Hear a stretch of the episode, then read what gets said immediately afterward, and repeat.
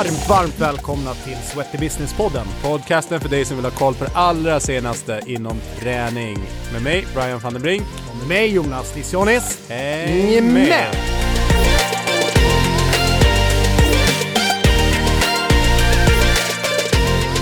Alright, välkomna tillbaks till Sweaty Business-podden. Idag så har vi en eh, fantastiskt spännande gäst, Gustav Ullas. Välkommen! Tack så mycket. Grundare av eh, ja, träningsklädesvarumärket eh, I can, I will. Stämmer bra. Rätt beskrivning av, jag visste inte hur jag skulle kategorisera ert varumärke? Eller? Ja men det skulle jag säga. Träningskläder, det, det stämmer bra. Grymt jobbat. Vi, eh, som sagt, det är ett tema i varje avsnitt och här tänkte vi, här är ju en eh, self-made entreprenör som har byggt upp ett eh, varumärke från grunden och gått internationellt. Det har vi inte så många av i, i Sverige och runt omkring träningsbranschen som har gjort. Så det ska bli väldigt kul att grotta lite hur du har tänkt och vad du tänker framåt. Mm. Ja det ska bli roligt att se om det, man kan dela med sig av något som är lärbart tänkte jag säga. Bra, sparkar vi igång det? Jag måste bara säga det att jag eh, käkade lunch med Gustav förra veckan, en mer yrkesjobbrelaterad lunch och eh, jag fick liksom hålla igen själv att inte ställa, jag ville inte veta för mycket av Gustav. Jag sa det när vi träffades sist också, jag är så jäkla nyfiken på han. Var det därför du avbröt mig hela tiden? Ja precis, ja, okay. ja exakt. Jag har ju följt han på håll lite grann från Clas Olsson till där han är nu och lyssnat på poddar och hängt med lite grann. Så att jag, jag har verkligen sett fram emot det här. Så att eh, Nej, vi gasar på. Eh, ingen tänk, press. Nej, ingen press alls. Vi börjar med lite basic-frågor egentligen. Eh, fullständigt namn? Eh, Gustav Ollas. Jag har lite mellannamn också, men det kanske inte är Kör. intressant. Carl Gustav Sigfrid Ollas. Härligt. Ja, det är Vart eh, är uppväxt, uppväxt någonstans? Jag är född i Uppsala, men eh, uppvuxen i Falun. Härligt. Yes. Eh, träningsbakgrund själv då? Ja, jag höll ju på med lite allt möjligt eh, som de flesta kids gör. Det var lite innebandy, jag spelade badminton ett tag, eh, fotboll såklart och sen så landade jag nog i eh, bandyn eh, efter ett tag. Så att eh, utebandy för de som tänker utebandy helt enkelt. Klassiskt uppe i Dalarna. Ja. Precis, precis. Eh, så att vi, jag spelade Falu BS länge och sen det året de var som bäst, då skulle vi gå upp och bli seniorer. Så att det var lite tufft. Så då fick vi gå till farmalaget, Karlsbyheden utanför, som spelade division under då. Mm. Så att eh, där lirade jag i ganska många år. Eh, egentligen innan jag flyttade till Uppsala. Grymt. Ja. Kommer du ihåg Sergej Obuchov? Om, om jag gör. Han var Briljant legend. Ja, för fasen. Ja, han och Valerij Grachev. Exakt. Mm. Dan Hjelm. Jajamän. Ja. Mm. ja. det har inte så mycket med podden att göra. Vi går vidare. eh, inom träning så har du någon träningsfilosofi som du lutar emot och liksom Ja. Ja, nej, jag har väl ingen filosofi, men jag tycker att det måste vara roligt. Eh, om man lägger så mycket tid på det så måste man tycka att det är kul. Så att jag har väl varierat min träning genom åren. Det var ju väldigt mycket gymfokus de första egentligen tio åren. Eh, och så vart det tävlingar och sen så vart det lite mycket av hela det där konceptet. Mm. Eh, och när jag startade företaget så, så kunde jag inte lägga lika mycket tid på träningen eh, eller kostnad för den delen. Jag valde att inte göra det. Så då vart det mer, eh, mer, lite mer högintensivt, eh, lite åt crossfit-hållet mm. kan man väl säga. Ehm, men ehm, jag har ingen sådär tydlig, det här tränar jag efter och jag håller stenhårt utan jag försöker anpassa så att jag har kul. Mm. Ehm, och så ha träningskamrater eller partners, det, det gör jäkligt mycket för mig. Är helt enig. Ja. Eh, rent, du känns ju som en jävla skön och trevlig prick Men har du någonting som gör dig, kan göra dig riktigt jävla förbannad? Eh, det är egentligen väldigt konstigt. Man kan, jag kanske är för att jag har sovit lite för lite under många år. Men eh, så när man, jag har ju flygit en del senaste tiden och, eh, och någonting som gör mig riktigt arg, konstigt nog, det är folk som ska lägga in handbagaget när alla ska borda och inte klarar av att liksom planera. Det står ju till och med när man är på väg in, liksom, ta av dig rocken, förbered dig. Eh, och folk då ställer sig mitt i gången, börjar liksom plocka ur sin väska, lägger upp väskan, tar ner väskan igen för de kom på att de där hörlurarna kan vara bra att ha de första minuterna. Och sen så har de glömt att ta av sig rocken och de är helt omedvetna om att det står liksom 40 pers bakom som jättegärna vill gå på. Uh, så det, det kan jag bli irriterad på. Och så, och så det här lilla halvklivet som man kan ta Precis. in, in i ja. liksom sin plats så man ändå kan släppa ja, förbi korrekt. samtidigt. Ja. Det, mm, mm. Helt, uh, det är en sån sak som gör mig glad. Ja, jag skriver, ja, det är helt sinnes. Man vill bara ställa sig upp, ta grejerna, trycka upp dem, sätta dem i så här så de kan liksom komma iväg. Framförallt, vi var 20 minuter sena sist också. Och ändå så är folk helt, eh, ja. ja. Vad, du jobbar ju ganska mycket. Eh, och, men vad, vad hämtar du kraft och liksom återhämtning eller inspiration? Både kraft och inspiration kanske? Ja, men träningen är ju, det är väl det som gjort, jag har ju kanske varit på vägen, jag två gånger har jag varit så riktigt nära väggen kanske under de här, de här åren som jag har hållit på. Um, och då har jag egentligen sovit för lite och kanske inte hållit i träningen som jag brukar göra. Uh, så då har jag försökt backa på, på jobbet, sova lite mer och så, så få tillbaks tillräckligt många pass. Um, så det, det har faktiskt varit den orsaken som gör att man, liksom, man glömmer allt för en stund och fokuserar bara på träningen. Mm. Sen även nu när man har, när man har barn så ger ju det eh, mellan varven när det inte tömmer på energi så ger det väldigt mycket energi också. Helt så det är väl de delarna som man främst laddar på. Ja. Sen att umgås med vänner som, som är duktiga och drivna och sånt ger ju mig väldigt mycket också. Mm. Härligt. Mm. Sista där då innan vi gasar vidare. Med, om du får 10 mille i handen idag, mm. vad gör du? Köper en bil och sen så, eh, så, så, sen så betalar jag mina vänner en månadslön och så flyger vi allihopa till typ Spanien och spelar paddel och tränar hela familjerna en månad tänkte jag. Fan vad härligt. Ja, det är för lite sånt i livet. Ja, helt enig. Mm. Grymt, tack så mycket. Det var ganska bra koll va, Brian? Eller? Mm, absolut, ja. lyckade, vi har bra koll och eh, du lyckades eh, hålla ut ifrån eh, några längre utvikningar. Det varit lite band här. okay. Ni det blir lätt sådär Ni får ge er tåls med det. Ja. Ja, får vi får klippa bort det. Ja, du får skolar in Jonas i podd, eh, poddliv. Korta frågor, låt gästen prata. jag är så nyfiken bara. Ja, ja men kul. Du, um, shit, uh, var ska vi börja någonstans? Jag, uh, jag lyssnar på en podd med dig och har läst lite artiklar. och har förstått att du um, efter studier började på Clas Olsson, gick ett trainee-program där, management trainee-program antar jag. Stämmer. Vad, um, om vi tar liksom till entreprenörskapet, vad har du tagit med dig därifrån in i det som sen blev? Vi får så, lite bakgrund. Ja, nej, men jag har väl alltid varit ganska transparent med att säga att jag lärde mig extremt mycket på Clas Ohlson Trainee-programmet. Det var det första de hade. Eh, så vi fick vara med och, och, utforma ganska mycket och påverka, vilket jag tycker är kul. Eh, men sen var det en väldigt bra nivå, alltifrån liksom vi gjorde första, första delen i butik. Eh, det var i ett och ett halvt år, så första halvåret körde vi butik, gick igenom allt från säljare upp till liksom butikschef och merchandise och de delarna. Eh, så där börjar man ju ja, väldigt mycket kundmöten, väldigt mycket liksom, tänk kring produkter, placering, eh, kampanjer och så vidare. Um, och sen så var det mycket projekt eh, det sista, sista året på lite högre nivå med styrgruppsmöten och man fick sitta med vd och vice vd på, på de delarna. Så att jag, i det programmet fick man väldigt mycket, ja, helhet kring egentligen Clas Ohlsons business och det har givit mig extremt mycket. Hur man tar hand om kunderna, eh, det vill säga den har jag varit tidig på liksom, mm. att men kunderna ska vara nöjda och om, om saker går sönder eller något går fel så ska vi liksom se till att de är nöjda när de går därifrån.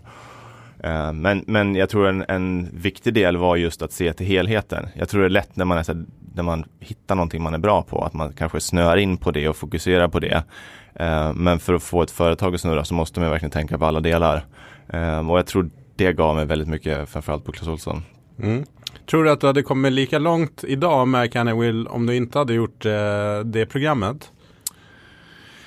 Kanske, kanske inte, men det hade nog sett lite annorlunda ut tror jag. Mm. Uh, jag är väldigt, väldigt tacksam över den, den tiden, mina två år där. Och, så att jag tror att det var en bra språngbräda uh, för mig i kombination av vad jag ville i livet och vad jag stod då där.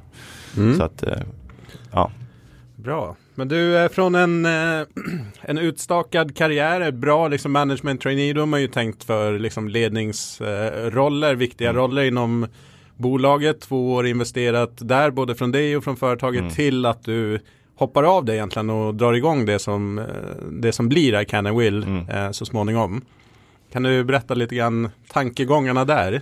Men det, det var ju ganska jobbigt ändå, för jag är, jag är en sån där person som, eh, med relationer är viktigt för mig och tar jag på mig någonting så vill jag fullfölja det och göra det bra. Så precis som du säger, man investerar ju väldigt mycket tid men när man står där så känns det som att man sviker dem för att de var de första kullen och så ska jag hoppa av redan så här kort tid efteråt. Och jag minns att, att jag fick höra det av en av mina chefer så här, liksom, är helt säker på att du ska göra det. Du har liksom en jättetydlig och bra karriär här framför dig. Och då var den här, åh, oh, du vet, klumpen i magen och bara shit, nu, nu är det många som blir, blir besvikna. Um, men, men eh, jag kände ändå någonstans att jag inte Alltså jag fick jättefin utveckling på traineeprogrammet och sen var det som att jag liksom halkade ner ett steg och fastnade lite i organisationen och, och, såg väl inte min karriär riktigt där så det gick inte riktigt igång på det där. Um, och sen hade jag haft min blogg uh, ett tag då, sen jag började i Uppsala och, och, kände ju att det var många som frågade mig om saker, att jag kunde bidra med någonting. Um, så, att, så att det fanns liksom en mix av att ja, jag kan fortsätta på Clas Ohlson men jag tror att om jag ska nå mina livsmål så måste jag gå en annan väg. Mm. Så det, var, det var lite ångest men också, jag tror det är så med alla beslut, att innan man fattar beslutet så är det jobbigt och man går och maler allting och tänker igenom scenarios. Uh, men sen så tog jag klivet. Jag tror det där är jag tror vi känner igen oss både, både jag och Brian där. Jag har sagt upp mig en tre, fyra gånger när man trivs ändå helt okej okay och ja, bra. Ja, ja, så är det ju, det är jäkla tungt att gå mm. och säga upp sig alltså. Mm. Men någonstans sen ofta, man har gjort det av en anledning, brukar kännas ganska skönt efter ändå mm. sen. Och fasiken ibland, vi pratade om det innan här, ibland måste man ju chansa lite också. Och det som jag brukar säga när folk säger upp sig i bolag som jag har varit med och drivit gör man bara sköna avslut. Gå ja. ut och testa vingarna. Varmt välkommen tillbaks. Ja. Alltså det berikar ju också. Mm. Och vad fasiken, vägen är inte alltid spikrak. jag tycker det är för jäkla många som glömmer det. Att om man träffar på vägen upp träffar man på vägen ner också. Mm. Vi älskar ju ordspråket what goes around comes around, jag och Brian. Och det brukar fasiken oftast ja, Men det tror jag också, både så här karma. Verkligen. Jag tror bara så här, gör det snyggt bara. Ja. Var, var rak och ärlig. Någonstans vet man ju vad man vill egentligen också. Har man börjat fundera på att byta jobb, då är det ofta en ganska stark intention till att man liksom borde ta det steget. Ja. Att man ens börjar sätta igång den tanken betyder att det är någonting som inte riktigt är helt hundra. Ja. Så att, eh, ja. Men du var ju ganska tidig på den här blogg Ja, jag var väldigt tidig på, framförallt på här sidan tror jag. Det ja. fanns ju lite, lite tjejer som bloggade. Men det var, innan det så var det träningsforum egentligen ja. eh, som man hängde på och då skrev jag ju där och sen kände jag varför ska jag investera min tid och lägga ner massa energi på en annan plattform när jag skulle kunna enkelt försöka driva det till, till min egen. Mm. Så att jag var väl någon form av, eh, jag kanske inte säger att jag ska vara influencer, men, men eh, hur mina samarbeten där och då såg ut i början så var det ju väldigt mycket likt det som idag är känt som mm. influencer. Um, så att, um, ja, det var uh, tur i timing kanske mm. också. Vilket år var det? 2007 när jag flyttade till Uppsala. Hade du någon strategi då när du nej, nej, nej, tog dig från forumen och började blogga? Eller nej, utan jag var, jag var egentligen, jag höll ju kvar träningsforumet för där hade man ju liksom vänner inom situationstecken ja. som följde en och sådär. Utan det var nog mest att jag började blogga lite för att min mamma skulle få lite koll på vad jag gjorde i Uppsala. Eh, det fanns ju inte Instagram, Facebook var ju inte etablerat på samma sätt sådär. Så att det var ju så att jag minns att jag hade problem med tvättmaskin så skrev jag om det, försökte skriva något roligt om det liksom. Um, så, så det var på den nivån och sen när jag tog tag i träningen, la ner banden och bara började gymma, då började läsa på om kosten också. Så att jag körde lite experiment på mig själv i skolan. Jag minns att det var många kurskamrater som frågade liksom, ja, men vad är det där? Och petade lite i min kisella sådär. Det var ju inte heller, jag gick ju till Lidl och köpte den där. Det var ju, det var ju på den tiden kostade 5,90 för 500 gram. Liksom. Ja. Eh, så då vart det, ja men jag kanske ska skriva lite om det här om det är fler som undrar. Och så vart det att det, det flyttade sig mer mot en, en träningsblogg egentligen.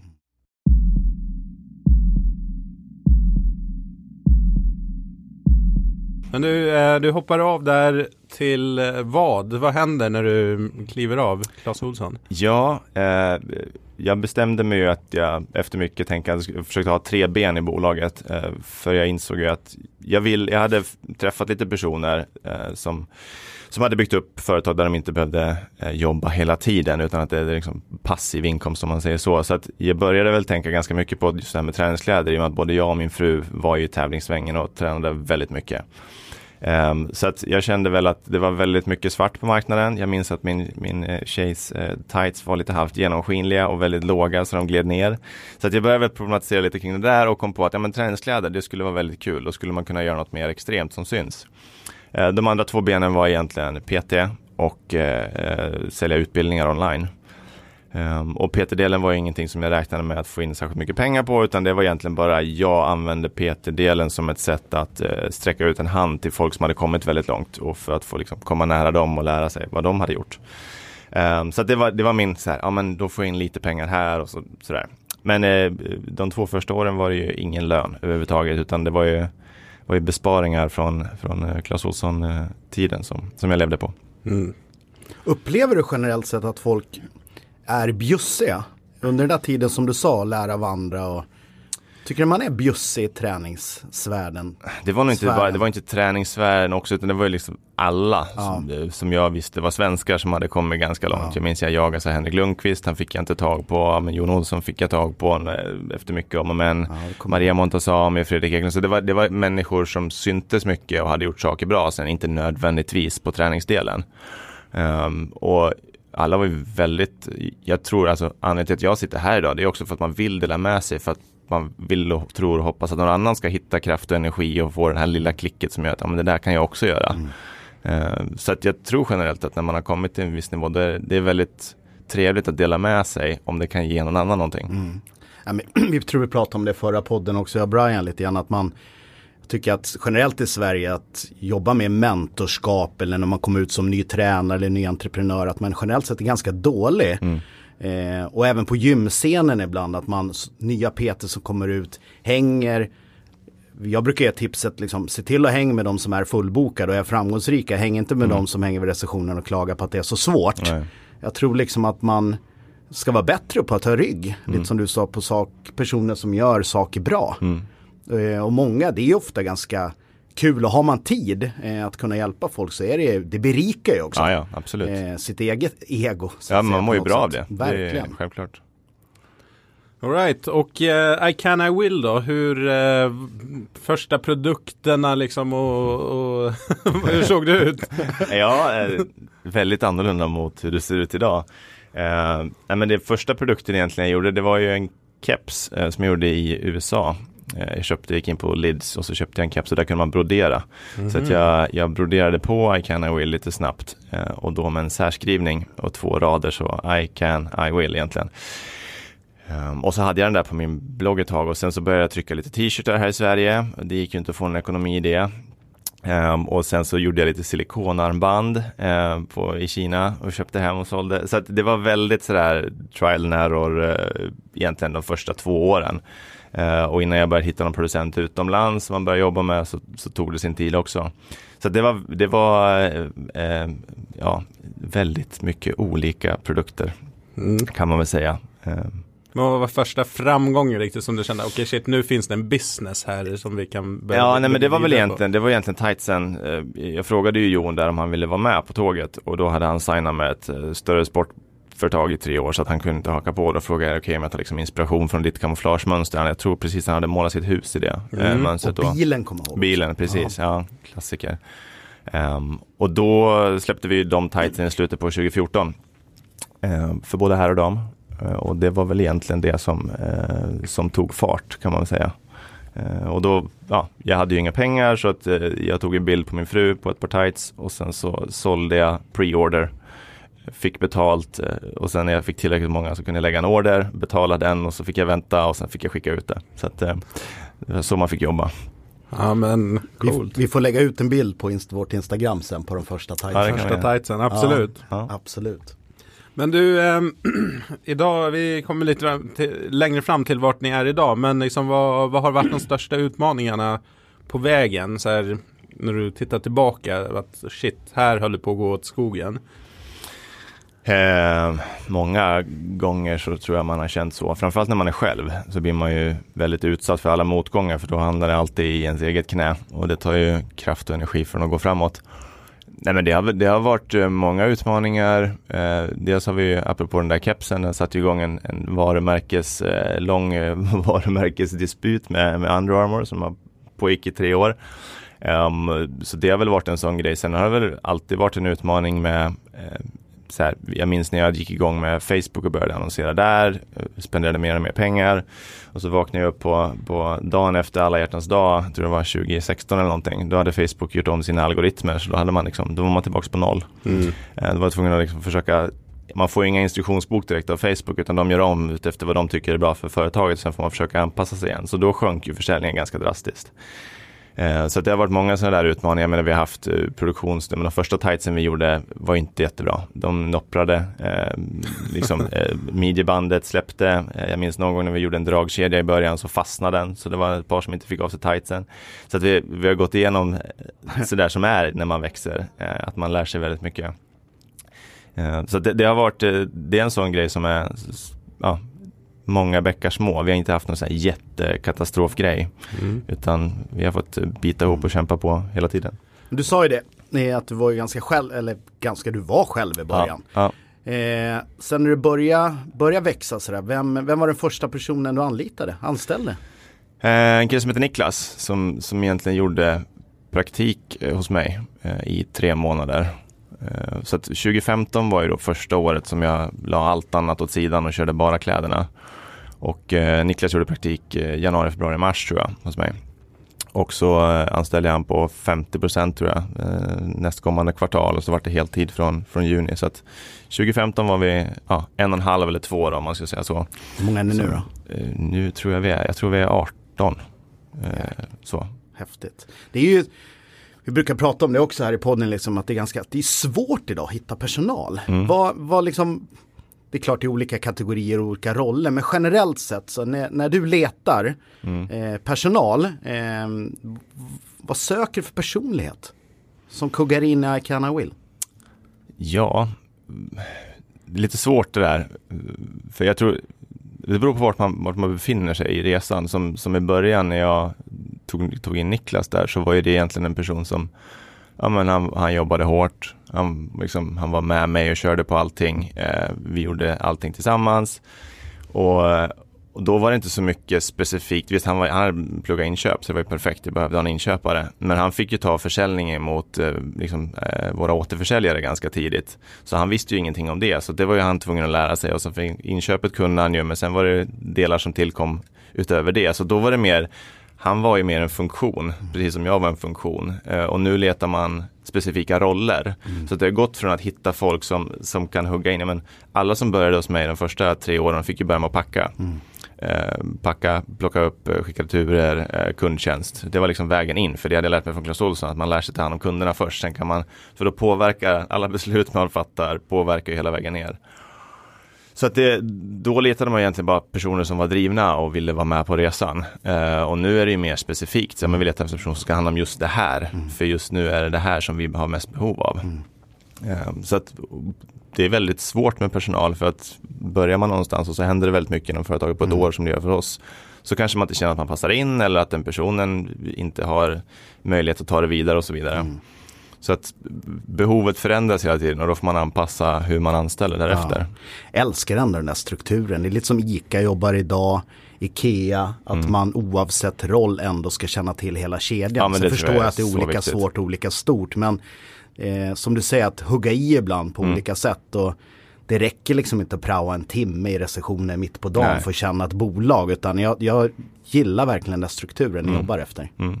Mm. Ja, du, när man kör eh, eget, jag tänker så här svåra beslut eller tuffa beslut, saker som ska, ska beslutas så landar det hos, eh, hos dig. Men eh, vem tar du hjälp till att, till att bolla Eh, sådana saker? Liksom att ta input ifrån eh, från människor och, eller gör du det överhuvudtaget i, i beslutsprocesserna? Jo men det har jag absolut gjort och det tror jag är väldigt viktigt, alltså så att våga be om hjälp. Man är inte bättre än sin svagaste sida eller länk om man säger så. Och där har vi, jag menar det så har jag haft en, men jag hade en, en eh, vän till familjen som satt med i styrelsen eh, de första åren. Det var ett väldigt eh, stort eh, bollplank och väldigt mycket hjälp. Jag minns första gången när vi skulle lägga en order inför julen, om det var 2015 eller någonting, då var han så här, ja men du behöver låna 50 000 av mig. Jag tyckte, vad ska jag låna 50 000? Jag gillar inte att låna pengar, så här, men Nej. behövs det verkligen? Bara, kommer du sälja? Hur mycket tights kommer du sälja tror du? Ja, typ det här. Jag har råd att köpa in det? Nej, Nej men då, mm. då skriver jag en revers här så får du låna det här av mig. Ja, det var en, liksom, jag behöver ibland någon som sparkar mig framåt för att jag kan vara lite så restriktiv och tänka igenom saker väldigt mycket. Och sen så det, det nätverket som jag byggde upp med de personerna som jag kanske tränade eh, ett tag. De har jag, många av dem har jag kvar en dialog med eh, och sträcker ofta ut en hand och säger nu sitter jag här. Eh, det här känner jag mig väldigt osäker på eller jag vet inte hur jag ska hantera det. Jag har lite olika vägar. Vad har ni för erfarenhet eller vad kan ni ge mig för input? Um, så att folk hör av sig till mig idag och ska starta upp bolag eller vill börja med någonting och då försöker jag verkligen alltid att svara på dem för att det var ju jag för ett par år sedan. Mm. Apropå att ge tillbaka så tror jag att det är viktigt. Så ja, jag bollar. Mm. Yes. Och idag har jag ju vd och lite, lite annan styrelse så att eh, idag får jag ju hjälp på en annan nivå.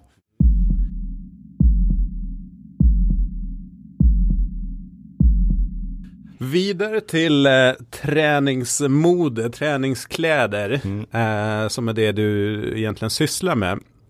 Hur sätts de här trenderna? Alltså, man märker ju som, som konsument, vilket både jag och Jonas är, så ser man vissa färger, vissa liksom stilar som slår igenom och man ser helt plötsligt alla inom citationstecken mm. varumärken har ungefär samma stil i per säsong. Visst är det tråkigt?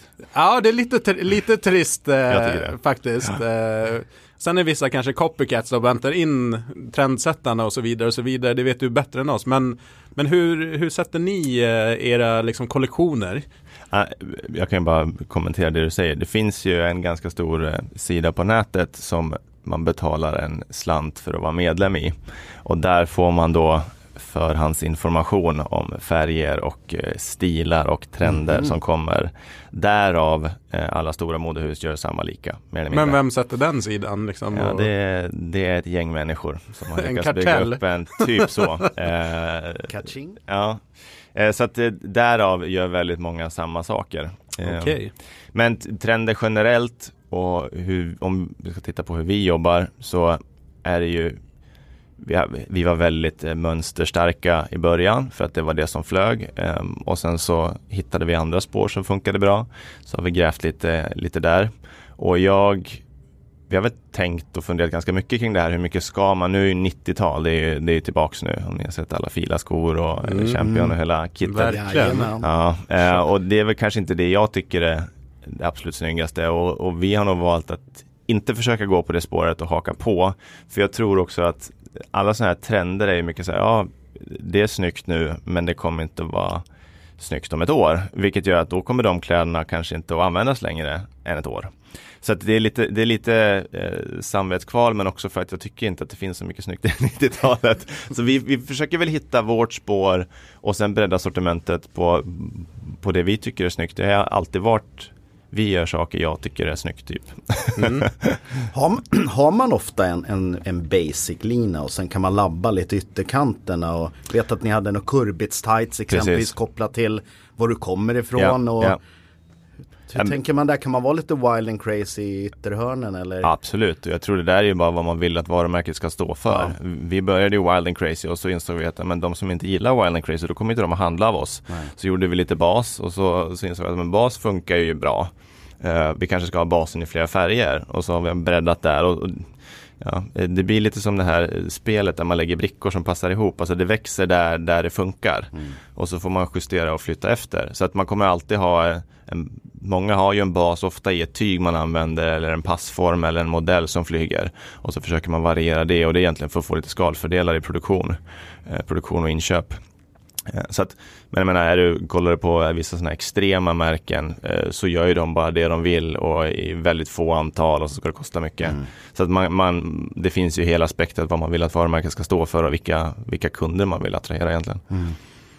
Hur jobbar man en, jag är lite nyfiken på det här med, hur jobbar man med loggor? Mm. Är det också ett trend eller jag ser att ni har i olika kollektioner, olika mm. storlek på, på ja. loggan så att säga. Finns det några filosofier där man jobbar efter eller? Går ju tillbaks lite till det jag sa innan. Så där att, att, att säga att vi hittade en basprodukt som säljer bra. Ja. Um, och så märker vi att ja, men, uh, bara vissa delar säljer bra. Och så tittar man på dem och säger man om den här har en större logga och de säljer inte lika bra. Mm. Ja, men då kanske den kunden som använder den här produkten inte vill ha en skrikig stor logga. Så då gör man en, en likadan produkt kanske fast med en mindre logga och så ser man att den tar fart. Så det, det är hela tiden ett experimenterande med det där. Mm. Jag tycker det är kul att experimentera mest för att man kan få väldigt, det kan se väldigt olika ut. Eh, och nu är det mer minimalistiskt eh, på, på, många av designerna och det funkar väldigt bra. Eh, det kan ni säkert se på andra varumärken också. Vad man ja, ser liksom jag, jag svarta tights med en liten vit logga. Även er, er sista kollektion då, som ja. kommer nu är jäkligt ja. clean och schysst tycker jag. Lite så här kolfiberprint och mm. sådär. Men, men, men, det är mer diskret ton i ton eh, och sådär. Så att det är egentligen bara vad man, vad man, vad man har för preferenser. Mm. Eh, och alla där ute är väldigt olika. Så. Mm. Var hämtar du inspiration eh, kring färger? Alltså allt med den här hemsidan såklart. Ja men vi, vi betalar inte de pengarna. Nej, det, det okay. känns mycket. Nej men vad, vad, vad, vad kollar du? Allt tänkte jag säga. Eh, bilar, inspiration. Eh, övriga klädvarumärken, eh, liksom modemärken. De är ofta duktiga på att driva kanske teknik och, och eh, passform på ett sätt som, som inte sport är vana att använda. Eh, miljöer, jag var i New York på lite inspirationsresa eh, i butiker. Bara mm. man kan få en extrem känsla baserat på hur man inreder en butik.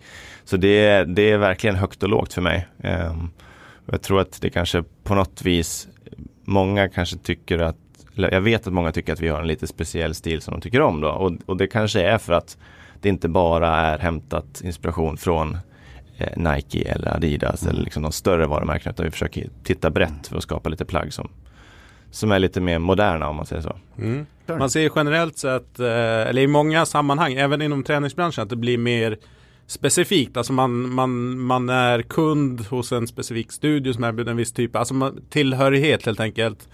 Um, märker ni att, uh, att man vill vara lite mer specifik i sin konsumtion också? Att man liksom identifierar sig med ett specifikt varumärke och vad den står för. Man, ja, men det blir nästan som en tribe så att mm. säga kring specifika varumärken.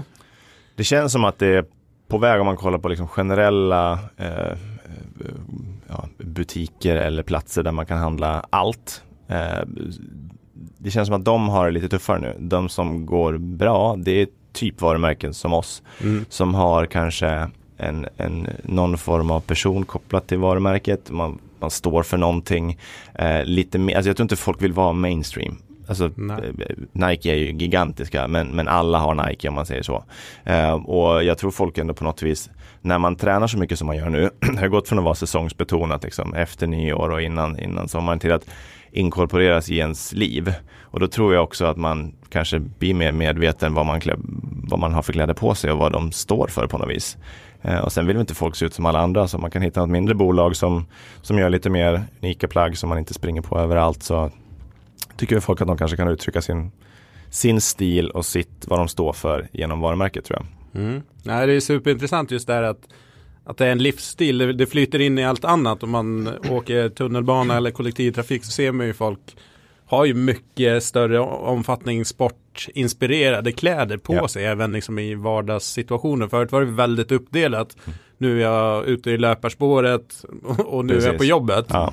Nej men det har ju gått, det har ju sportmodet har ju tagit plats och blivit någon form av accepterat också i och med att alla tränar så mycket. Jag minns när jag hade någon gång när man glömde ombyten och sådär så hade jag liksom tights och så jobbskor när jag var på Clas Ohlson. Då vart man ju uttittad på tunnelbanan. Idag är inte det något konstigt sådär.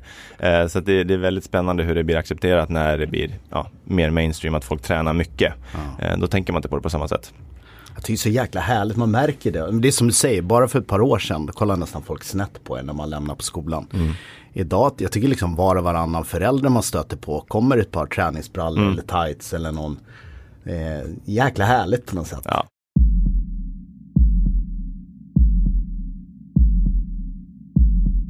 Du, eh, influencers är eh, en stor grej av eh, det ni gör och många andra varumärken oavsett bransch. Ja. Men jag, jag, kan tänka mig just träningskläder och sportmode väldigt liksom influencerdrivet. Hur, hur jobbar ni på ett övergripande plan? Hur tänker ni kring influencer? Ja, men det, det, är väl som alla tänker idag. Eh, det skedde ju ett stort skifte eh, eh, för ett par år sedan i alla fall. Sådär, när, när, när bloggarna var störst och inte Instagram var störst. Att Först var det liksom bolagen som hade makten och kunde liksom reklam på tv och radio och sen så dök de här, ofta, det var mycket tjejer som bloggade framförallt och drev på den trenden kring, kring mode och så. Och då var det de som tog tag i alltihopa och nu har väl makten tycker jag flyttats tillbaka lite till bolagen för det, de flesta tar ju betalt. Eh, så det är ändå bolagen som bestämmer vart man vill synas och sådär. Mm. Men, men det är ju och har ju varit eh, viktigt de senaste åren att egentligen synas för att finnas där. För det är ju någonstans, man går ju inte ut och tittar på stan lite på samma sätt utan det man ser på Instagram och sociala medier eller Facebook det är det som är i ropet lite. Uh, så det är klart det har varit viktigt för oss att synas där. Uh, och det finns, väl, det finns ju väldigt många olika sätt att jobba med, med influencerdelen på. Uh, och vi har ju tidigt började vi försöka jobba med människor som vi tyckte var likasinnade, som stod för samma saker, som var på en resa som vi ville vara, liksom, vi ville vara del av. Um, och sen så vart det, för ett, ja, ett år sedan eller två, så gick det över till att bli bara en betalsport egentligen, vem som betalar de här stora personerna mest. Uh, och då tyckte jag att det tappade lite tappar lite, så ska säga, inte attraktionen med det hela, men jag upplevde ofta att, att i början var Instagram ett sätt att nå ut till världen. Mm. Och de senaste åren så har det bara varit den som betalar mest når ut. Resten är liksom strypt till, till att du når en väldigt liten del av din följarskara. Så att eh, vi jobbar absolut med influencers på olika nivåer. Eh, eh, vissa långsiktigt, vissa kortsiktigt. Ehm, eh, men jag tycker också det är viktigt att inte bara vara helt beroende av någonting. För saker kan slå fort, apropå det som händer med Facebook för oss. Så, där, så, så står man på ett ben så tror jag att det kan bli lite tufft framöver. Mm. Nej men det är som du säger, det är ganska, ganska det händer ju ganska sak, mycket saker där ute så att jag tror som du att det är ganska farligt att bara bygga på, ja. på en person eller ett lag mm. eller en, en grupp sådär. Mm. Helt enig för det kan svänga så jäkla fort ja, alltså. Det är en sociala mediekanal. Hur, hur tänker ni kring, kring just den risken att strategin bakom i princip alla sociala mediekanaler är liksom extremt generösa i början så att folk ska tycka om det och det ska vara enkelt och man når ut och sen stryper man, man åt det och så får man köpa sig räckvidd mm. egentligen i liksom hård sammanfattat så är det liksom så de, de tjänar pengar i slutändan. Yeah. Yeah. Hur, eh, hur tänker ni kring liksom att ändå sprida riskerna där? Det är svårt. Det finns ju inte jättemånga eh, eh, andra plattformar som där våra kunder liksom figurerar eller är och hänger. Så dels får man väl hålla ett, ett, liksom, eh, koll på vad som kommer och kanske hoppa på något nytt. Eh, vilket inte är garanterat någon form av avkastning överhuvudtaget. Eller så får man acceptera att det är så här det ser ut nu. Jag tror att vilken marknad du än är på så kommer du ha en kostnad för att attrahera kunden till slut. I början är det alltid nyhetens behag och du kan få liksom organiskt och så vidare. Men det är väldigt få affärsmodeller som funkar på organiskt utan du måste ju på ett eller annat sätt dra in folk i butik eller på en e-handel eller eh, till ett event eller vad det nu må vara. Så att jag tror att det är liksom en del av, det är en del av vår bransch. Och då handlar det bara om att försöka vara med när det väl svänger och vara hyfsat snabb egentligen och parera det. Eh, Facebook funkar bra för oss, Instagram funkar också bra för oss just nu. Eh, vi lägger inte lika mycket fokus på Google men vi finns där absolut och, och sådär. Så att ja, man måste vara väldigt medveten och vi är alltid lite så här paranoida att det ska ta slut. Liksom mm. Och det tror jag gör att man också försöker titta lite på vad som kommer och, och testa, våga testa. Liksom. Mm. Nej men det är nog nyktert eh, tror jag att man har den vakenheten att okej okay, det här är det som är nu men vi, vi är också beredda på att sker det någonting så måste vi agera. Så mm. jag kan tänka mig att många kanske tänker att det ser ut som det gör och det kommer alltid göra vilket, de all, vilket det inte kommer göra. Det, det, är det enda vi vet att det kommer inte se likadant ut om ja, kanske imorgon eller Nej. om två år. Mm. Sen handlar det om att investera tid och, pengar i ens varumärke också. Så att man bibehåller någon form av attraktionskraft eller att man, man försöker göra någonting som, som bygger varumärket starkare. Och att det inte bara handlar om att liksom köpa flest kunder utan att investera långsiktigt. Jag tror den, eh, det är en del som, som eh, som vi tänker mycket på i alla fall. Mm. Du, sociala medier, eh, om du har ett tips för de som vill eh, bygga en bra närvaro och en ja, bra innehåll till sina följare. Finns det någon, någon grej så här, bara, men tänk på det här? Det är jättesvårt idag att nå ut i mm. bruset. Det märker vi också. Alltså, att man måste, man måste tänka på annat, annat vis eh, mot hur det var för ett par år sedan. Men eh, nej men det kanske är och, och, så här, om alla är på Instagram, då kanske man ska försöka bygga någonting annat. Mm. Alltså, om alla går åt ett håll, det gjorde vi mycket i början så här. Om alla gör si, kan vi göra något helt annat som gör att man kanske sticker ut eller att man, man fångar uppmärksamheten, för det är det det handlar om egentligen. Mm. Um, vad gjorde ni då? Någon sån, sån trick liksom när ni gick motströms? Och... Nej men det, det, vi, vi försökte ju in, och gör det fortfarande egentligen. Nu håller vi på med en, med en kollektion där vi har involverat våra kunder så att de, de väljer liksom design, de väljer eh, färger, de väljer passform och modeller och fotograferingstillfällen och sådär. Så då är de med och det var väl någonting vi var hyfsat tidigt med så här. Ja, men jag satt och funderade på min källare och så bara, ja, men vad ska jag göra med de här? Båda är snygga men jag kanske bara har råd med en. Då la jag upp en bild och så bad jag om input så fick de vara med. Då kommer de lite närmare varumärket och vill vara liksom committade till, till det de ger input på mer. Så det var en sån sak som, vi, som inte så många gjorde på den tiden. Jag tror fler gör idag. Mm. Um, men men det, det, är svårt att sitta här specifika råd. Återigen, titta på, lär känna marknaden vad gör 90% av bolagen och vad gör de som gör det riktigt bra? Och så försöka komma upp med något eget eh, ja, koncept eller vad det nu ska vara. Um, men det är, specifikt är det svårt att gå in på det ja. för att man måste verkligen förstå mm. sin bransch tror jag. Mm. Um, Tillbaka, bara lite nyfiken kring influencerscenen där. Jag gissar att du, nu vet jag innan att din telefon hade pajat ur igår vilket att det blir väl lite lugnare för dig här. Men Precis. det är ju massa andra kanaler att nå dig på. Att, eh, oavsett influencers eller samarbetspartner generellt, jag gissar att det är ganska många som hör av sig till dig eller precis som till oss också när man driver utbildningar och bolag och vill mm. hitta samarbeten. Hur ja. tänker du där både kring liksom, ja, men samarbeten, influencerscenen i sig när folk hör av sig? Vad, du har varit inne på det lite grann kanske där, men vad, har ni något speciellt tankemönster där som du utgår ifrån? Nej, jag tycker väl vi bedömer ju varje samarbetspartner. Eh, vi kanske så här, vi ser nog lite skilt på samarbeten och kanske på eh, liksom influencer-delen.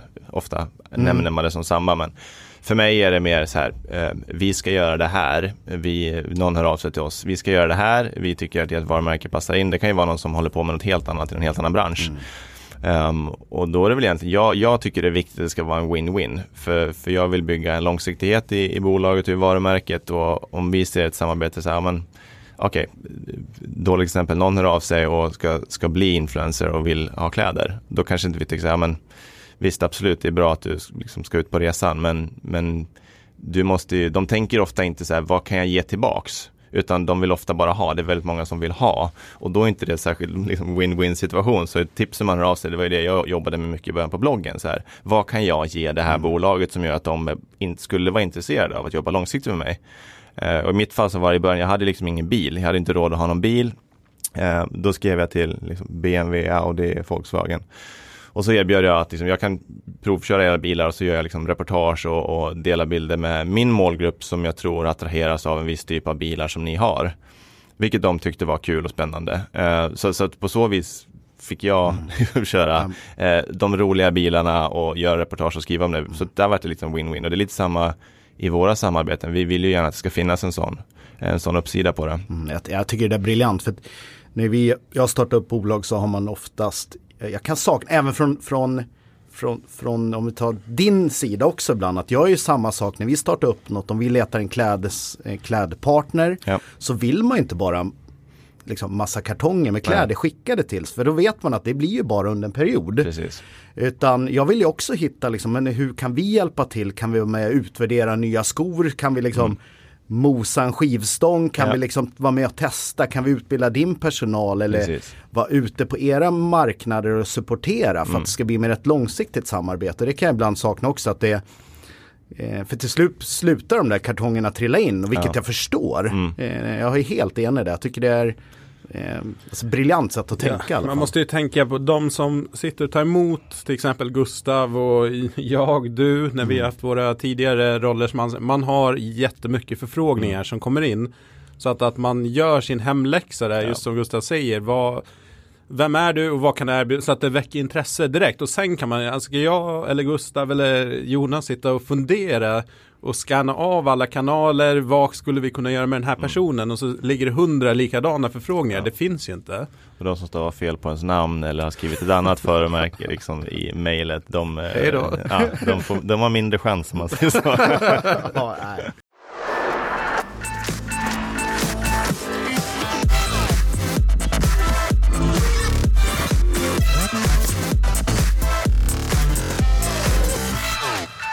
Då är vi tillbaka med Casal Business Hacks eh, för dig som vill göra bättre och smartare affärer i träningsvärlden.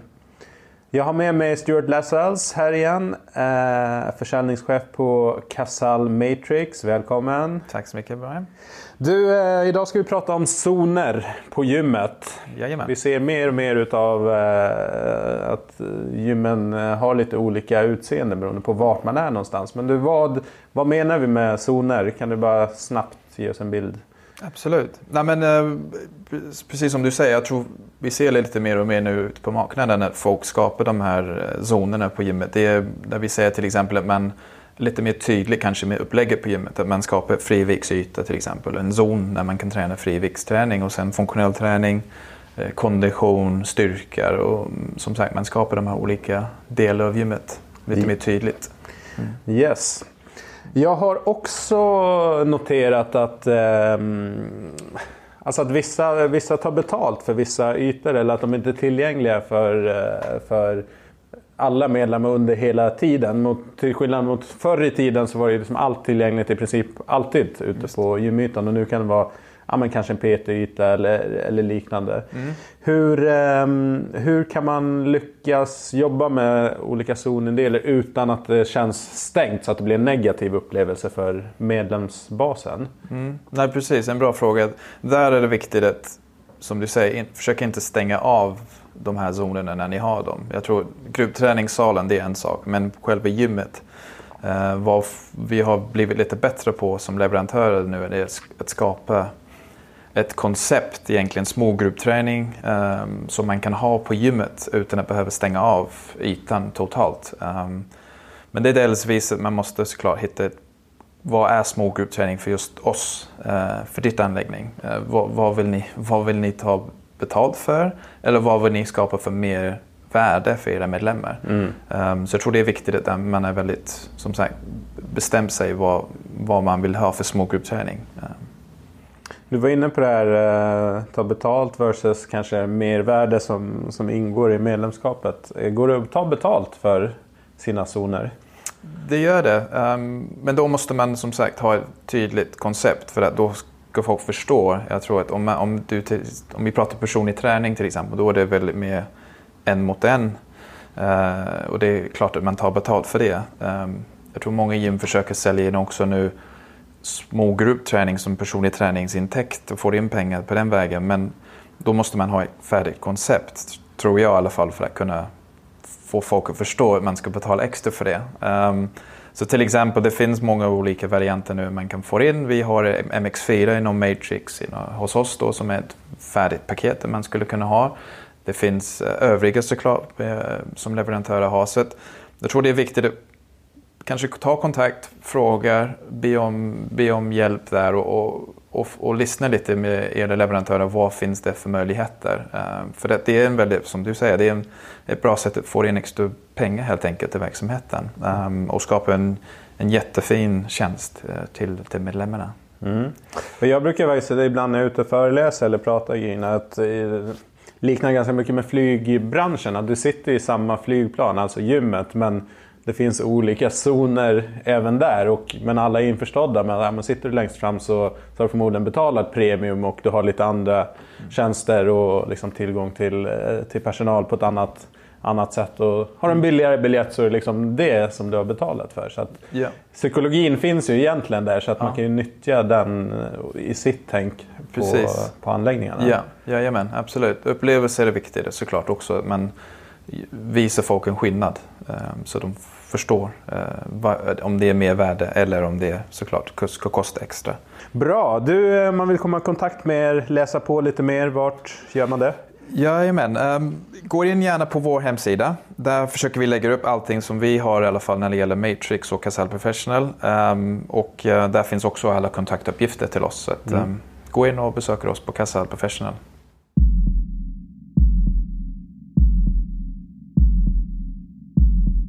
Men det sista om, om kläder och, och mode, det är um, vad är, du var inne på det lite grann, liksom ganska sobert och sådär, men finns det några mer trender just nu eller framåt som du ser att det här kommer, nog, kommer vi nog se ganska mycket av?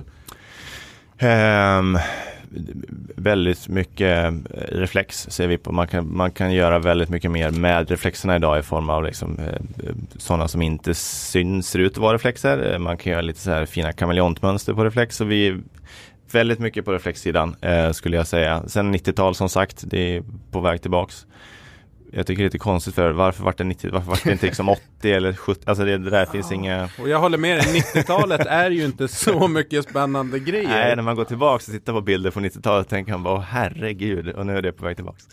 Eh, Nej, annars så, så som sagt, jag är inte jättetrend så. Vi försöker göra vår grej så att jag mm. struntar lite i det. Yes Eh, bolagsmässigt är jag ganska mm. nyfiken på just affären och affärsutveckling. Så yeah. vad, ni är ju vad det är nu, men hur, liksom, hur ser framtiden ut både på kort och lång sikt? Ja, väldigt mycket fokus på att bygga varumärke, eh, bygga sortiment. Där finns det väldigt mycket att göra. Eh, vi tittar väldigt mycket på organisation. Det är någonting som blir viktigare och viktigare märker man ju större det blir.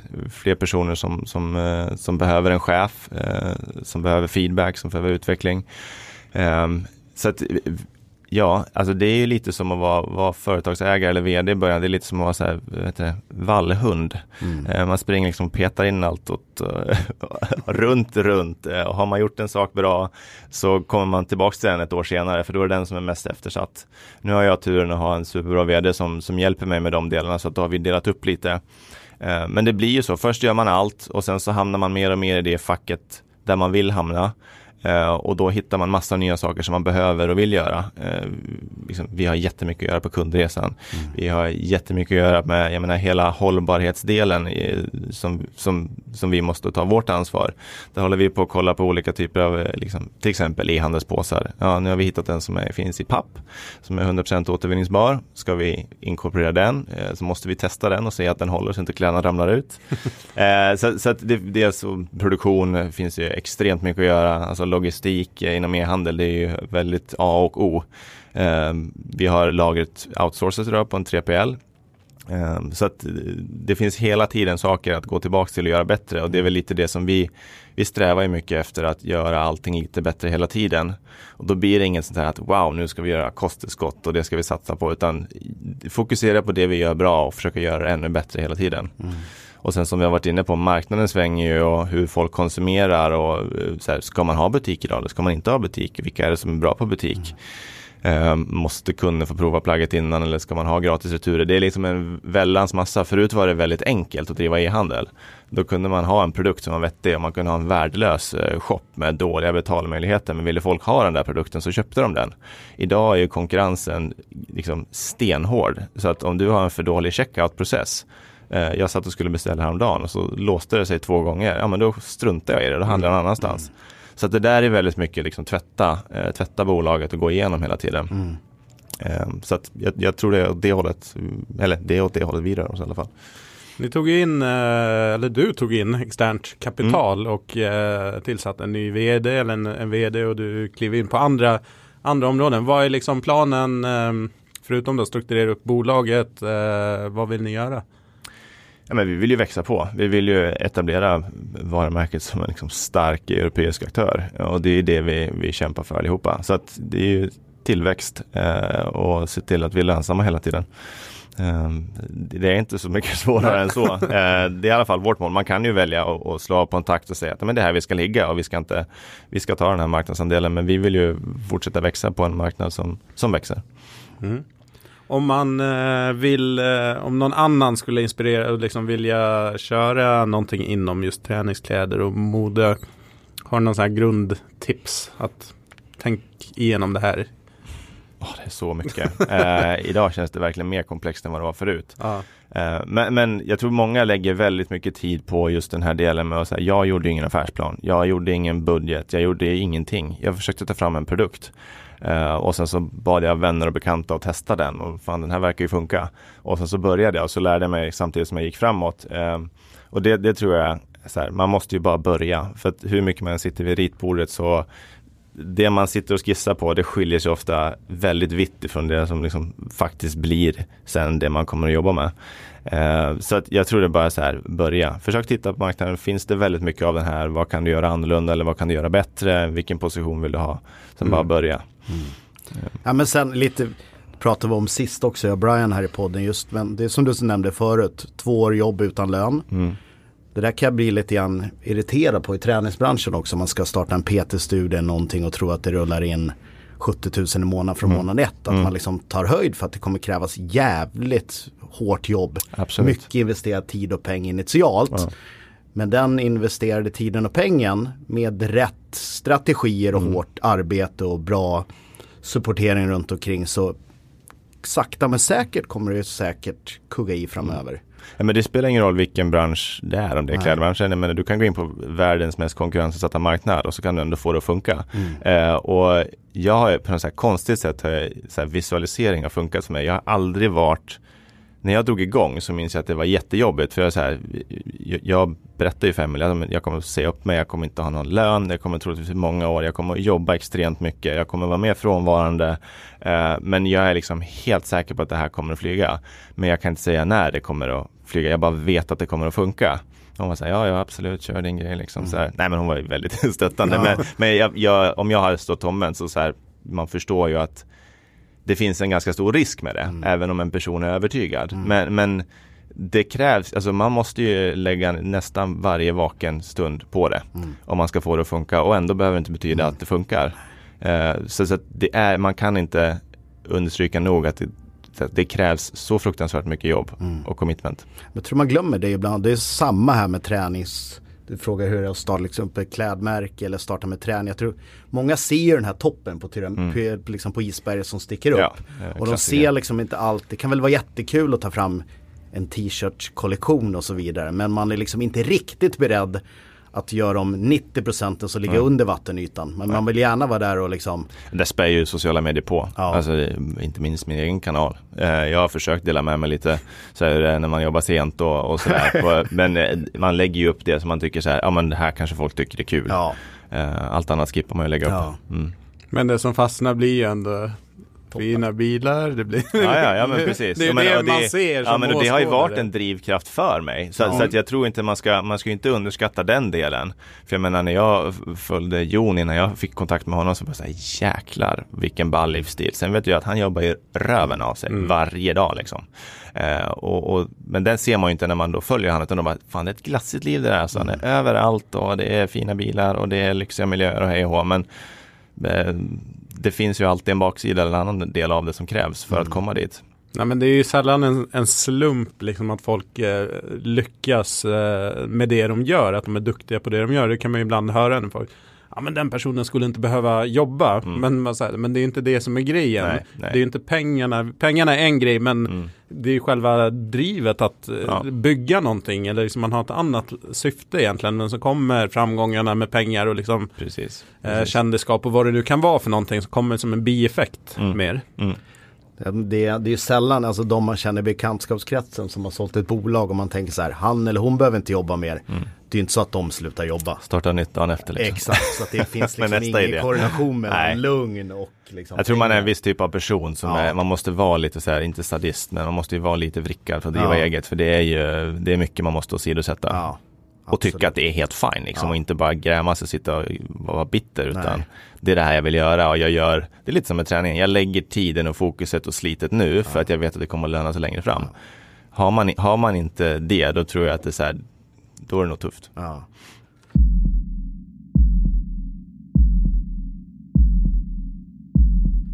Lyssnarfrågor. Vi valde ut två stycken här som mm. eh, kuggar i bra det vi har pratat om.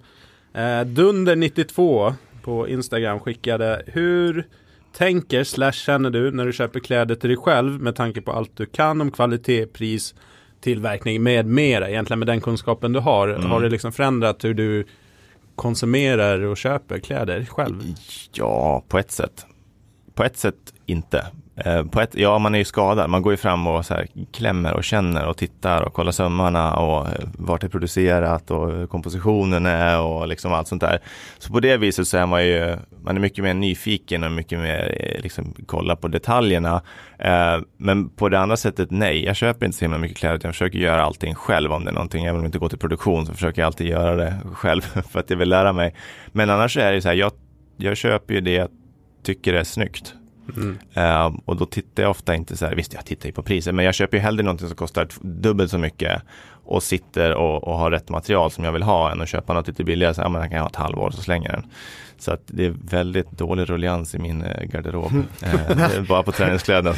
bara, bara bisak, jag diskuterade med en kompis med häromdagen. När, när jag växte upp och man, man sparade till när man köpte ja. något dyrt så ja. köpte man det. Ja. Men man använde det aldrig för man skulle använda det när man skulle vara fin. Precis helt sinnessjuk ja, filosofi man hade. Man hade liksom väldigt den dyraste konstigt. jävla jackan använde ja. man två gånger per år. Ja.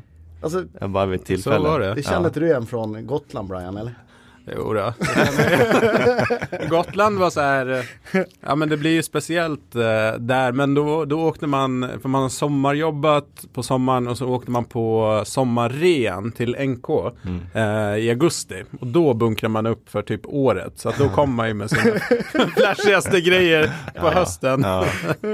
ja. En annan använde det för mycket liksom, för man hade ju sparat så länge för att få ihop det där. Så köpte man den här dyra trenden, ville man ha den varje dag. ja, du har inga andra kläder på dig. Nej, precis. Nej, men nu skulle man ha sparat de här gamla filaprylarna och det, ja, de här oversize-skorna nu när man mm. och så vidare plockar fram till ungarna så hade man precis. sparat några tusenlappar. Dad of the year. Ja. Um, nu kommer jag inte ihåg vem det var som mejlade, nej det var någon, någon halvhemlig mail, men kanske någon konkurrent till er som mm. frågar så här. Eh, 2018 om man kollar på siffrorna så var det ett jobbigare år ekonomiskt, backar lite på omsättningen och, och eh, resultatet. Ja. Vad, mm, vad berodde det på och eh, ja, det, vad, det vad händer Det är framåt? ingen hemlighet, vi har eh, pratat om det lite. Eh, man kanske inte gått in så djupt på det. Nej men det var, det, det är klart det var ett jättetufft år för oss. Eh, och det var väl egentligen hela, hela upploppet av eh, Under Armour varumärkesdelen där. Och egentligen innebar det så här, vi har ju kvar I Can I Will som, som alla har sett. Eh, men vi hade en fet markering på I Will. Eh, och de äger ju då varumärket I mellanslag Will. Eh, mm. Så att okay. egentligen så var vi tvungna att ta bort fetmarkeringen på loggan överallt. Det vill säga alla produkter vi hade i lager alla, de kanske inte hade det på plagget i ett print, men de kanske hade det på tvättlappen eller på hangtaggen eller på påsen eller vad det må vara. Och där då så hade vi väl ungefär 5 miljoner lager tror jag. Uh, så att uh, det var bara att uh, fokusera på att sälja så mycket av det som det bara gick egentligen. Um, och det gör man genom att rea. Mm. Och då tappar man marginaler. Um, och där och då hade vi ganska tungt, liksom, eh, bolaget var mer viktat åt eh, återförsäljarledet när det gäller omsättningen. Och de hade lika mycket, liksom, de hade lager också, de var tvungna, så vi supporterade dem i den eh, delen. Och sen så fick de fokusera på att sälja, inom situationstecken, gammalt då. Eh, köpte inte nytt. Den nya produktionen fick vi stanna av, göra om. Vilket också kostar pengar och tid. Så lanseringen av alla nyheter vart ju väldigt mycket försenat. Eh, så det, det, var, det var liksom kontentan. Vi fick fokusera på att försöka få tillbaka så mycket pengar det gick på dem mm. eh, vi hade. Eh, så det, det, var ett tufft år. Eh, vi hade lite personalomsättning, några som var med från början valde att gå vidare för att göra lite annat. Och det var apropå det här att folk var funktioner märkte man ju då att sen när den personen slutar och hittar en ersättare, ja, vi kanske behöver två, okej då ska man ge sig ut och rekrytera två personer i ett år där man dessutom gör ett negativt resultat. Så att utan, att, utan att gå in på detaljer så det var, det var svintufft. Mm. Mm. Absolut. Så att, eh, men det var då. Nu eh, det har var... vi tagit hand om det och ja. gasar på framåt.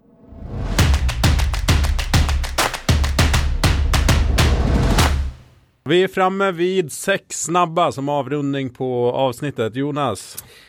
Jag kör. Eh, tips på, eller någon app som du använder extra extra mycket? Instagram. Mm. nej, men, nej men det är den och så Audible som är ljudbok eh, egentligen. I agree. Ja. Du, någon podd eller bok som du kan uh, tipsa om? Jag menar förutom den här podden. Uh, jag, uh, har, jag har ju lyssnat ganska mycket liksom inom min bransch.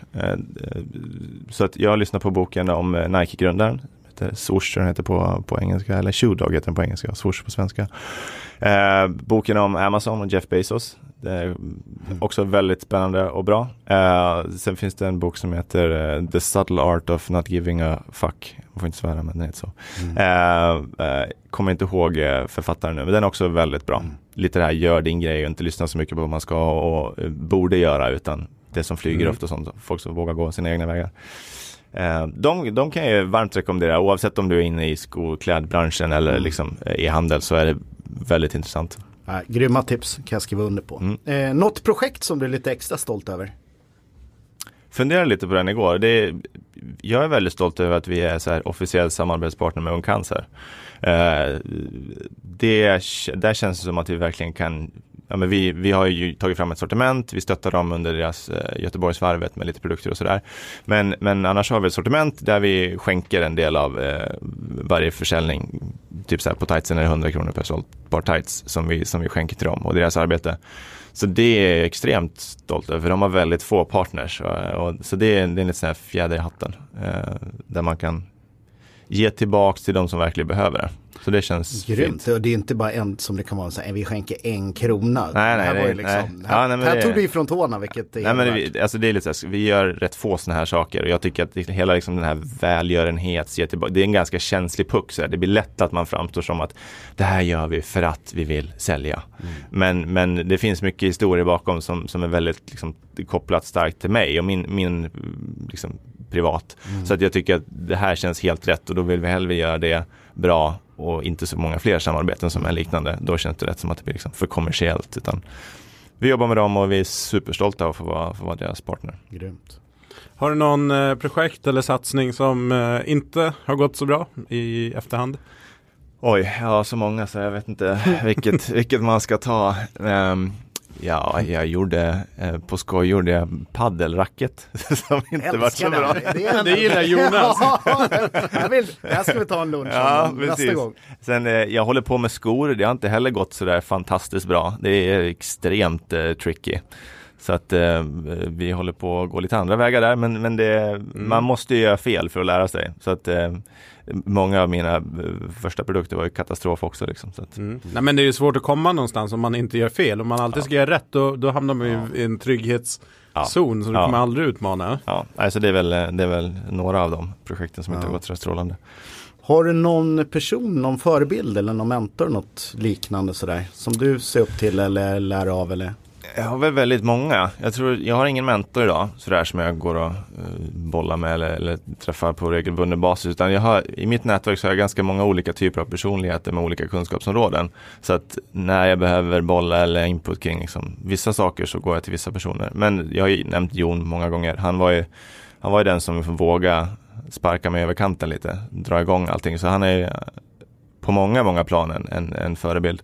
Ehm, och sen så har jag många andra. Eh, min morfar var en sån, han lever inte längre, men han var en sån person som, som jag såg upp väldigt mycket till och som jag fortfarande har som liksom förebild i hur han var och betedde sig. Ehm, så att, ja, det finns flera. Härligt. Mm. Du, sista frågan. Vi har ju pratat lite trender och så, men eh, har du någonting annat? Och det behöver inte vara inom ditt uh, gebit så, men eh, ser du någon, någon annan trend framåt? Förutom, ja men återvunnet eh, miljö, det kan man inte undgå att missa Mm. med, med Greta och allting. Eh, och det är en jätteutmaning eh, vi står, står inför. Så där, eh, där känns det som att alla, alla behöver dra sitt strå till stacken. Märker ni av det liksom, ifrån kundhåll att det ställs mer frågor eller Ja, man förväntar sig mer kring det? ja det, det är väldigt många som frågar, vilket jag tycker är bra. Eh, det, det betyder också att vi kanske måste bli bättre på att prata om det. Men jag minns liksom från, från Clas Ohlson-tiden, de, de gör ju ett fantastiskt jobb på CSR. ehm, och har ju väldigt mycket underleverantörer och producenter. Och, och det svåra med det lite som miljö också. Det är ju så här att det är ju det är svårt att gå ut och slå sig på bröstet för att man gör det. För då är det alltid någon som hittar någonting i en Mm. approach där man har misslyckats eller inte. Och, och så här, det är lite, jag tror också, man kan ju verkligen, det är så klyschigt, men man kan ju inte naila allt och vara bäst på allting. Utan man får ju fokusera, vart kan vi göra det bättre? Lite som vi säger, man ska göra saker bättre hela tiden. Men har man 50% återvunna påsar så försöker man göra 100 nästa gång. Mm. Eh, och ställa de kraven bakåt i leden. För, för många av producenterna känner ju av det också. Mm. Ehm, så att ja, ska man ta saker på båt, det är en jättediskussion. Alltså det är, båt är egentligen det sämsta man kan ta, att de går på råolja. Eh, vilket är liksom, alla de 11 000 fartyg som det finns, de bidrar ju liksom mer än vad alla bilar släpper ut på ett år. Så det är helt förfärligt, men samtidigt alternativet att flyga. Eh, alltså det, det finns så, det är med, det finns hela tiden så här Klurigt. Ja, det är hela tiden ett tvådelat beslut. Så att eh, aktiva och medvetna val hela tiden och försöka göra det bättre. Mm. Ja, men jag kan bli trött på det där just att om, någon visar på att de gör någonting, man, man faktiskt har action. Man behöver inte vara perfekt, men just Nej. att man, man ska försöka hitta sprickorna i, Ja. i det uttalandet istället för bara, men fasen vad bra att ni tänker det, liksom, det är ju steg för steg. Mm. Allt händer ju inte på, över en natt. Nej. Eh, det var en annan podd med Petter Stordalen och då pratade han kring eh, Nordic Choice. Vi är ju på Clarion Sign här eh, som är med den kedjan och då hade ju deras vd Torgeir eh, Silsat, han hade ju gått ut vid någon sån här stor eh, intern samling och bara inom x antal år, det var ganska nära, jag tror det är bara två, tre år bort, så ska vi vara plastfria mm. inom koncernen. Och så hade Petter frågat honom efter, bara, du, vad är det du går ut och säger här? Eh, han bara, Ja, men det där får vi ju lösa sen. Men, men det han sen ville komma till var just att, ja, men bara att vi gick ut och sa det, satte ett mindset hos mm. de anställda, hos våra leverantörer, att börja tänka precis, kring hur kan precis. vi minska, minska vårt avtryck på det ja. sättet. Mm. Sen kanske inte vi når dit, men man har ändå ambitionen. Precis, och så är det ju många gånger. Alltså man sätter i mål och så kanske man når 50% men om man inte har satt det så har man inte ens liksom påbörjat processen. Mm. Det är lite kul, det här hotellet var, gjorde jag min första arbetsdag på. Ja men eller hur, ja, jag såg någon Instagram-bild ja, att precis, precis. laptopen på skrivbordet. Ja, ja. Jag och frugan checkade in kvällen innan och så satt jag här och jobbade tills utcheckning första dagen. Ja, Back det var mäktigt. Ja, verkligen. Det var lite så när man gick upp för trapporna. Ja. det här känner jag. Mäktigt. Ja. Grymt, ska vi ta en sista fråga då? Det här är lite min, eh, min favorit nu och jag måste säga vi har ju en sån här lite grann med en favoritlåt som betyder extra mycket och som kanske har en koppling till en själv och jag måste ändå tacka lyssnarna här för att jag har ju blivit toksågad hemma i min familj för att jag gillar Country Roads. Okay, för att jag är en ja. gammal gubbe då. Ja. Men jag har fått ganska många som också gillar den låten här, vilket glädjer mig lite grann. Men eh, nog om mig, det, har du någon låt som eh, du känner lite extra för eller symboliserar Gustav Ollas? Nej men det är svårt där, jag, jag lyssnar på så jäkla vitt och brett. Men jag, vi har ju så här, eh, vi, när, när min fru var gravid -huh. så hade jag, jag har laddat ner, eller jag har köpt liksom en låt som jag har sparat på iTunes. Så när man, varje gång man chippar in oh. sladden så går den igång i ja, bilen och det var Avicii, Wake Me Up. Men det var och för sig bra. Ja, ja mm. sådär och, och eh, så att den, den betyder väldigt mycket för mig. Dels för att jag, jag varit helt, vi var i USA när han, eh, när han gick bort och det var, jag varit helt förstörd i flera mm. dagar. Jag, det var så, av någon anledning väldigt, väldigt jobbigt. Vi hade precis sett dokumentären innan mm. och sådär. Men sen också för att eh, min son nu då som, som eh, låg i magen där, varje gång han hör den låten så blir han helt galen och börjar dansa. Eh, det är liksom den låten som får igång han varje gång. Så jag måste nog hävda att den, den ligger fortfarande extremt varmt om hjärtat. Den är fin. Till ja. den så rullar vi ut. Stort tack för att du tog dig tid att vara med. Stort tack för att jag fick tack. komma. Tack. Feeling my way through the darkness by a beating heart. I can't tell where the journey will end, but I know where to start. They tell me I'm too young to understand. They say I'm caught up in a dream. Well, life will pass me by if I don't open up my eyes. So that's fine by me. So wake me up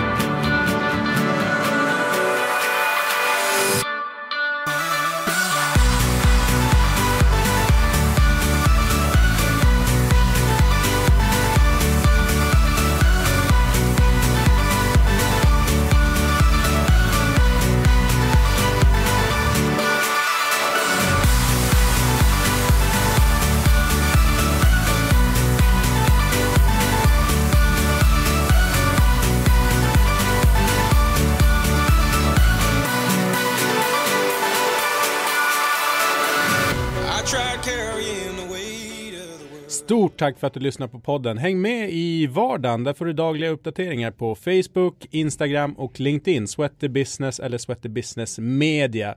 Har du frågor, tips och råd till oss så mejla jättegärna på podden at sweatybusiness.se.